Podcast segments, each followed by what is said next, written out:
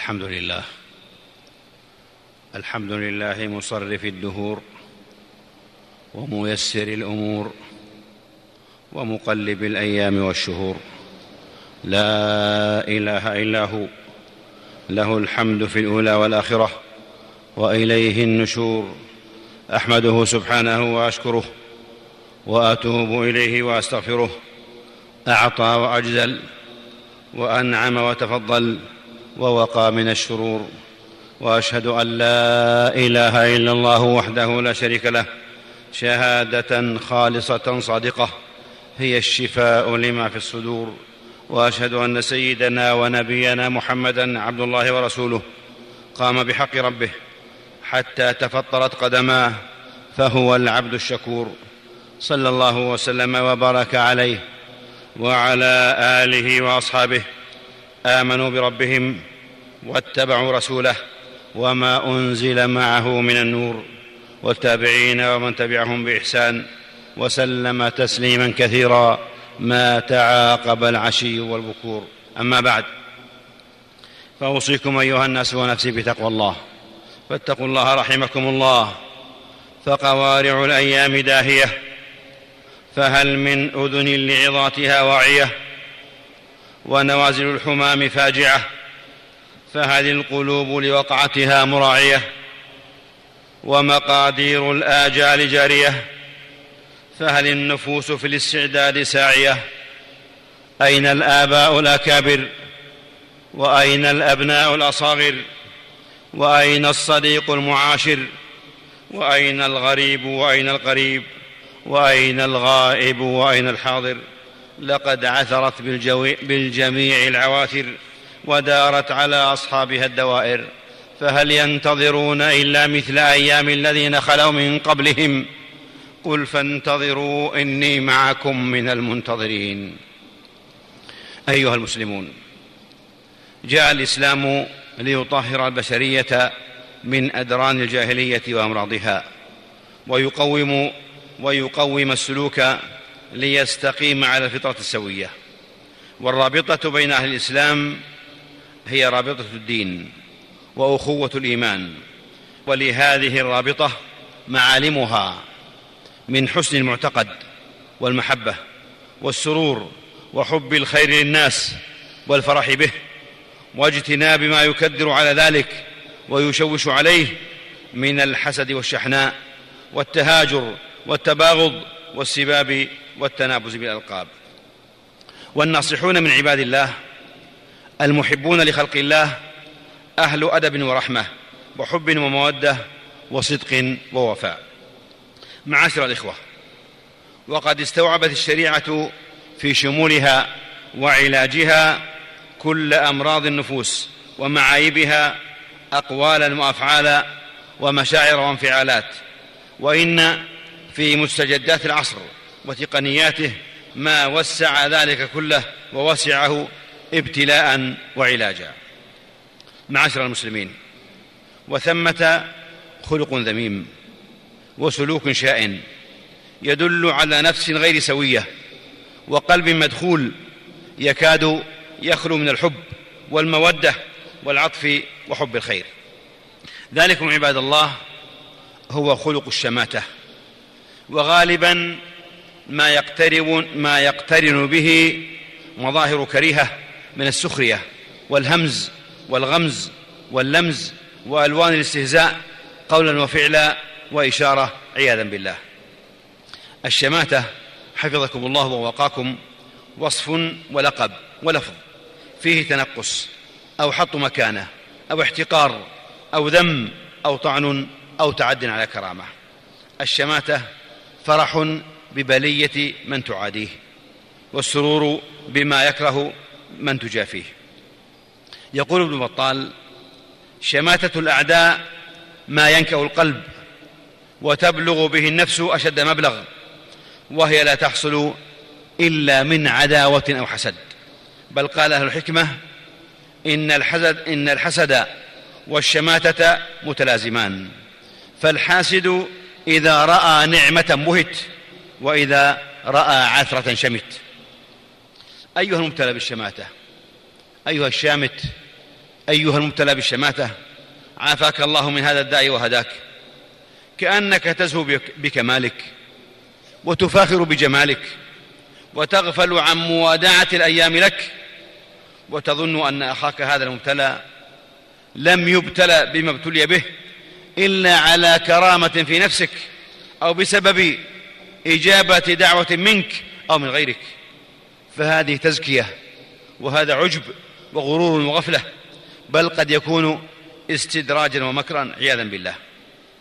أما علمت أن الشماتة قد تكون انعكاسا لأمراض نفسية تدل على عدم الثقة مع الإحساس بالفشل فتسلي نفسك بهذا الخلق الذميم. الشامت محروم من المحامد الجميلة والمسالك الراقية والشعور الإنساني النبيل. الشامت لا يفرح بمصيبة غيره إلا من لؤم طبعه بل يقرر أهل العلم أن الشماتة من أخلاق أهل النفاق. فقد قال عز شأنه في وصف المنافقين إن تمسسكم حسنة تسؤهم وإن تصبكم سيئة يفرحوا بها وإن تصبروا وتتقوا لا يضركم كيدهم شيئا. معاشر المسلمين ولقد استعاذ نبينا محمد صلى الله عليه وآله وسلم من الشماتة وسوءها كما في الحديث الصحيح اللهم إني أعوذ بك من سوء القضاء ودرك الشقاء وشماتة الأعداء. ولقد, ولقد قال هارون لأخيه موسى عليهما السلام كما في التنزيل العزيز ولا تشمت بي الأعداء أي لا تفرحهم بمصيبتي. يقول الشوكاني رحمه الله استعاذ صلى الله عليه وسلم من شماتة الأعداء وأمر بالاستعاذة منها لعظم موقعها وشدة تأثيرها في الأنفس البشرية ونفور طباع الناس منها. وقد يتسبب عمق ذلك والاستمرار عليه تعاظم العداوة المفضية إلى استحلال ما حرم الله.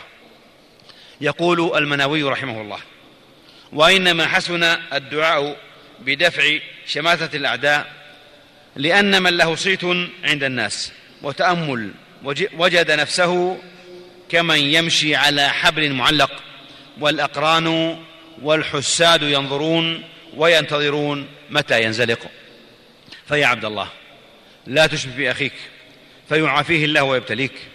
ولكن خذ العبرة فعن واثلة بن الأسقع رضي الله عنه قال قال رسول الله صلى الله عليه وسلم لا تظهر الشماتة لأخيك فيرحمه, فيرحمه الله ويبتليك. لا تشمت بأخيك لا تشمت بأخيك مهما صغر شأنه وظهر عيبه وبان نقصه في أمر الدين أو الدنيا. فإن الشماتة تجلب البلاء والابتلاء ولكن تضرع إلى الله مستعينا به خائفا مستخفيا مشفقا على نفسك وعلى أخيك. وقل الحمد لله الذي عافاني مما ابتلي به وفضلني على كثير ممن خلق تفضيلا. ومثل هذا الدعاء لو تأملت حفظك الله لعلمت أن المقصود به الوقاية والحذر من الوقوع في الشماتة والاستهزاء والسخرية والانتقاص من إخوانك. معاشر المسلمين الزمن قلب والأيام دول فكم من غني افتقر وفقير اغتنى وعزيز ذل وذليل عز ووضيع ارتفع ورفيع اتضع وقوي ضعف. وضعيف قوي وضعيف قوي وسليم ابتلي ومبتلى عوفي. والدهر حين يجر بكلكله على قوم فإنه ينيخ على آخرين. وسيلقى الشامتون كما لقي غيرهم. يقول ابن مسعود رضي الله عنه والله لو أن أحدا عير رجلا رضع من كلبه لرضع هو من هذه الكلبة. وورد عن عمر رضي الله عنه أنه قال والله لو عيرت امرأة حبلى لخشيت أن أحمل. ويقول إسماعيل الهروي أي عيب عيرت به أخاك فهو صائر إليك. ويقول الحسن البصري رحمه الله أدركت أقواما لم تكن لهم عيوب فتكلموا في عيوب الناس فأحدث الله لهم عيوبا. وأدركت أقواما كانت لهم عيوب فسكتوا عن عيوب الناس فستر الله عيوبهم. كيف؟ وقد جاء في حديث ثوبان رضي الله عنه عن النبي صلى الله عليه وسلم قال لا تؤذوا عباد الله ولا تعيروهم ولا تطلبوا عوراتهم فإن من طلب عورة أخيه المسلم طلب الله عورته حتى يفضحه في بيته. رواه أحمد.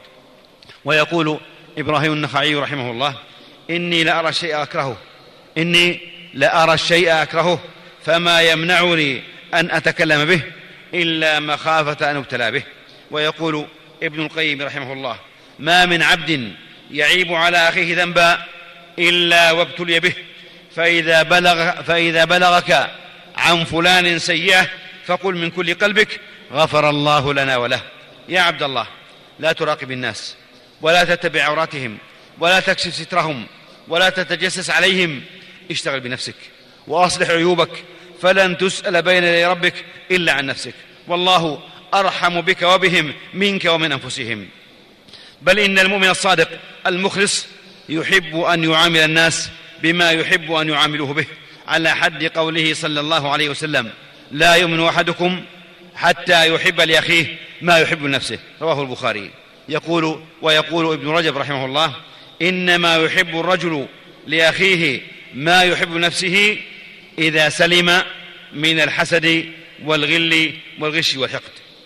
ومن لطائف معنى هذا الحديث ما ذكره أبو الزناد حيث قال ظاهره التساوي وحقيقته التفضيل لأن الإنسان يحب أن يكون أفضل الناس. فإذا أحب لأخيه مثله فقد دخل في هو في جملة المفضولين. يؤكد ذلك ما روي عن الفضيل بن عياض. أنه قال لسفيان بن عيينة إن كنت تريد أن يكون الناس كلهم مثلك فما أديت النصيحة. كيف وأنت تود أنهم دونك؟ أما أنت أيها المبتلى أما أنت أيها المبتلى بالشامتين فلا تحزن ممن يشمت بك أو يسخر. واستحضر مواقف الأقوام من أنبيائهم حين سخروا منهم واستهزأوا بهم فكان النصر والعلو وقد قال عز شأنه ولقد استهزئ برسل من قبلك فحاق بالذين سخروا منهم ما كانوا به يستهزئون. وقل لهم صبرا فإن, الد... فإن أيام الدنيا دوارة والأحوال متغيرات متقلبات. بل إن عمر بن عبد العزيز رحمه الله يقول ما رأيت ظالما أشبه بمظلوم من الحاسد غم وإثم ونفس متتابع. وبعد حفظكم الله فحق على أهل الإيمان أن يدعوا الأحقاد. والأضغان وأن يتجنبوا الشماتة بإخوانهم فذلك مجلبة التفرق والتنازع والتنابز بالألقاب والبغضاء. وكيف تصدر الشماتة بمسلم؟ وكيف تصدر الشماتة من مسلم وهو يقول في ورده كل صباح اللهم ما أصبح بي من نعمة أو بأحد من خلقك فمنك وحدك لك فمنك فمنك وحدك لا شريك لك فلك الحمد ولك الشكر. فحق أن يعكس هذا الذكر صفاء القلوب صفاء قلب المؤمن ورحمته ومودته للخلق كلهم فضلا عن أن يحب أن يحيق بالناس كرب أو بلاء أو تعاسة أو مكروه. ولا تجتمع الرحمة الغامرة مع القسوة الشامتة. أعوذ بالله من الشيطان الرجيم. يا أيها الذين آمنوا لا يسخر قوم من قوم. عسى أن يكونوا خيرا منهم. ولا نساء من نساء. عسى أن يكن خيرا منهن.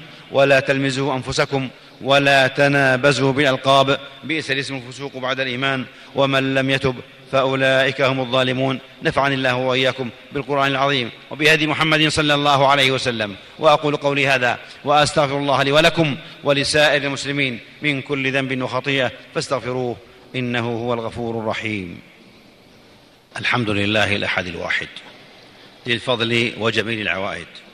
أحمده سبحانه وأشكره على إنعامه المتزايد وأشهد أن لا إله إلا الله وحده لا شريك له شهادة أرجو بها النجاة يوم الشدائد وأشهد أن سيدنا ونبينا محمدا عبد الله ورسوله أفضل محمود وأكمل حامد صلى الله وسلم وبارك عليه وعلى آله وأصحابه أحسن الأعمال وأخلص المقاصد والتابعين ومن تبعهم بإحسان وسلم تسليما كثيرا ما خضع لله عابد. أما بعد معاشر الأحبة يقول الحافظ ابن القيم رحمه الله إن تعييرك لأخيك بذنبه أعظم إثما من ذنبه وأشد من معصيته لما فيه من صولة الطاعة وتزكية النفس وشكرها والمنادات عليها والمنادات عليها بالبراءة من الذنب وأن أخاك باء به ولعل كسرته بذنبه وما أحدث له من الذلة والخضوع والزراء على نفسه والتخلص من مرض الدعوى والكبر والعجب ووقوفه بين يدي الله ناكس الرأس خاشع الطرف منكسر القلب أنفع له وخير من صولة طاعتك وتكثرك بها والاعتداء والاعتداد بها والمنة على الله وعلى خلقه بها. فما أقرب هذا العاصي من رحمة الله وما أقرب هذا المدل من من مقت الله. فذنب تدل به لديه أحب إليه من طاعة تدل بها عليه. وإنك أن تبيت نائما وتصبح نادما خير من أن تبيت قائما وتصبح معجبا.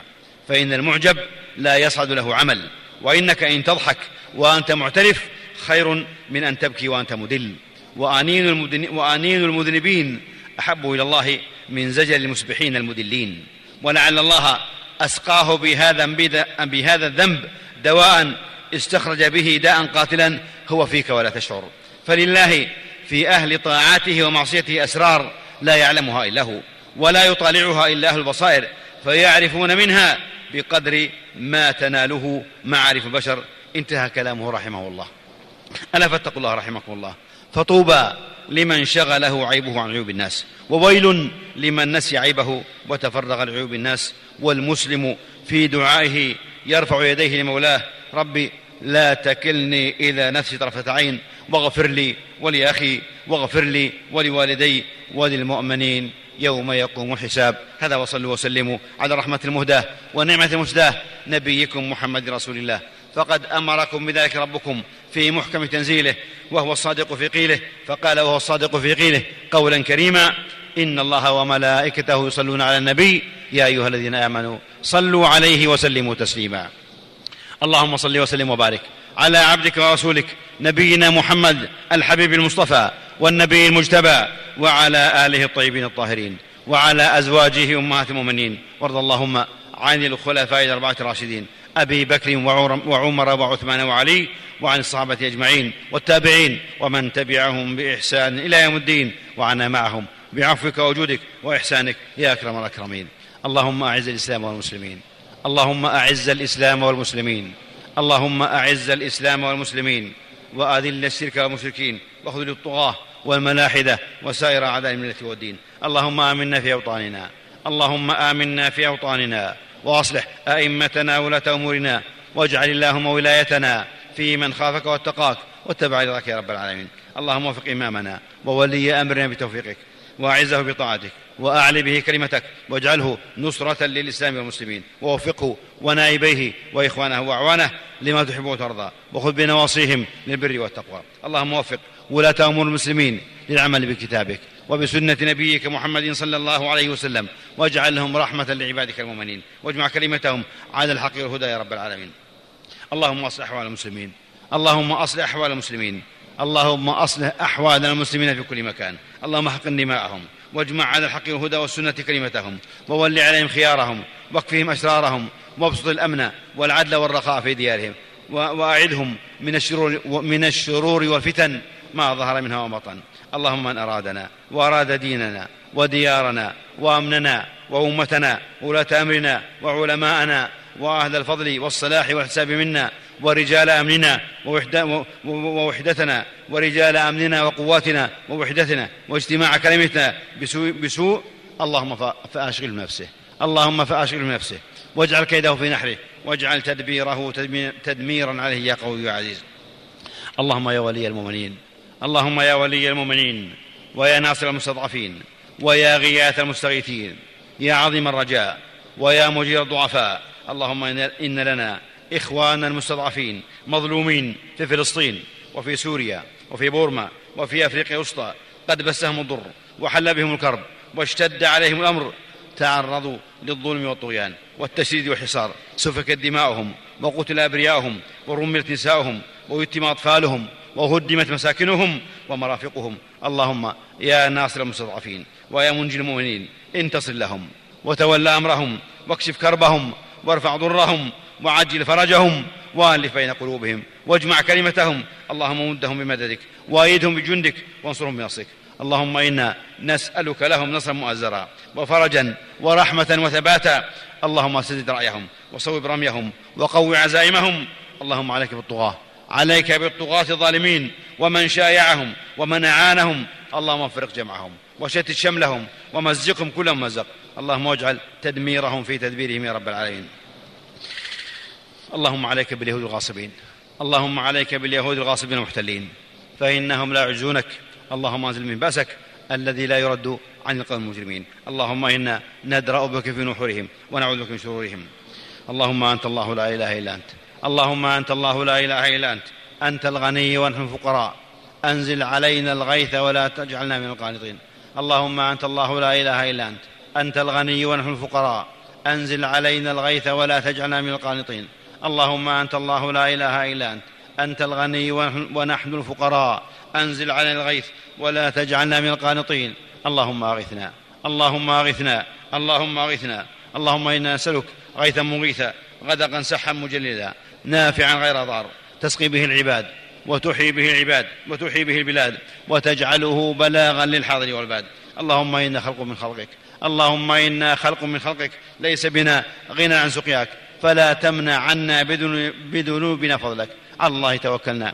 ربنا لا تجعلنا فتنة للقوم الظالمين. ربنا ظلمنا أنفسنا وإن لم تغفر لنا وترحمنا لنكونن من الخاسرين. ربنا آتنا في الدنيا حسنة وفي الآخرة حسنة وقنا عذاب النار. عباد الله إن الله يأمر بالعدل والإحسان وإيتاء ذي القربى وينهى عن الفحشاء والمنكر والبغي يعظكم لعلكم تذكرون. فاذكروا الله يذكركم واشكروه على نعمه يزدكم ولذكر الله أكبر.